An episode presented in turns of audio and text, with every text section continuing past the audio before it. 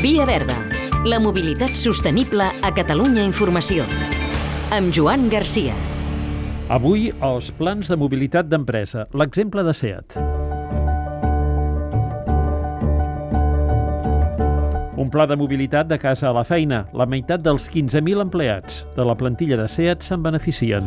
Laura Carnicero, responsable de personal de SEAT. El nostre pla de mobilitat són quasi bé 200 autocars al dia en els diferents uh, torns de treball i que tenen com 500 parades. Amb aquest autocar es mouen diàriament doncs, més de 7.500 persones. No només entenem les persones de, pròpies de SEAT, els treballadors de SEAT, sinó doncs, inclús a proveïdors externs que treballen a les nostres instal·lacions i aquestes doncs, 7.500 eh, persones doncs, es poden desplaçar a través de 69 línies i, i arribem a fer doncs, tant com 1.300.000 quilòmetres de desplaçaments a l'any.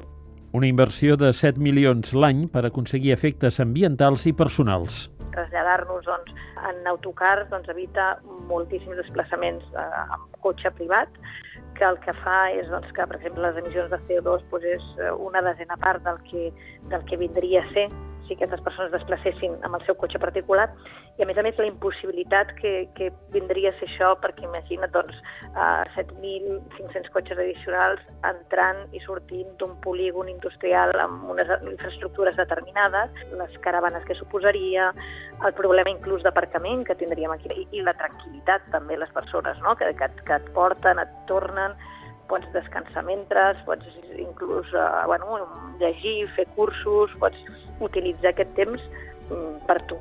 Un sistema de desplaçament controlat de manera digital. Nosaltres tenim això, una app pròpia que et permet veure, per una banda, centralitzat des de la part de CEA, doncs, poder veure on es troben tots els autocars, de manera que inclús es pot reaccionar amb busos que hi ha, etc etc per, per, per fer altres rutes alternatives.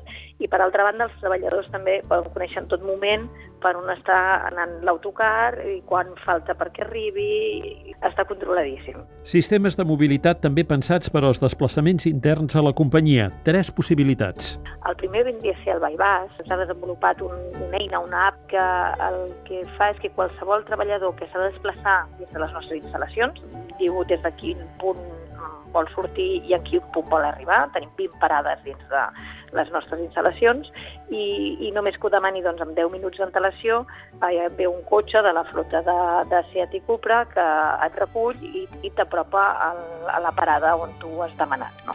I després tenim dos blocs més, que és el car sharing i el motosharing.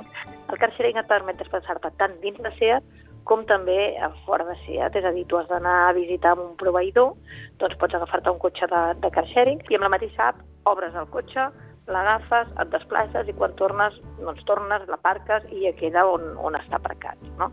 I el motosharing ve ser un servei molt similar, però en aquest cas amb les motos elèctriques de Seat Mo.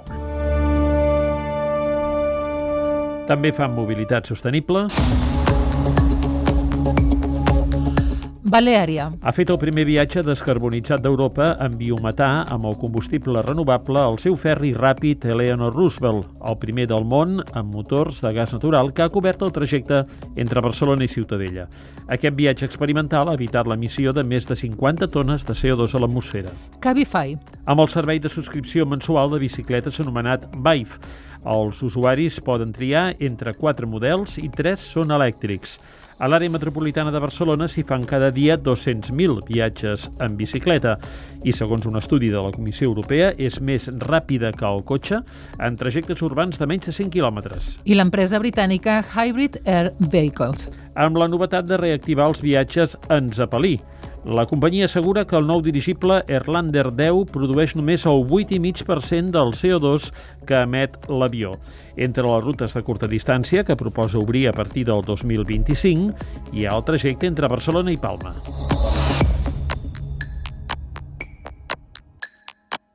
Hem de tendir a connectar els polígons industrials i els grans espais lúdics que hi ha a la perifèria dels municipis amb transport públic.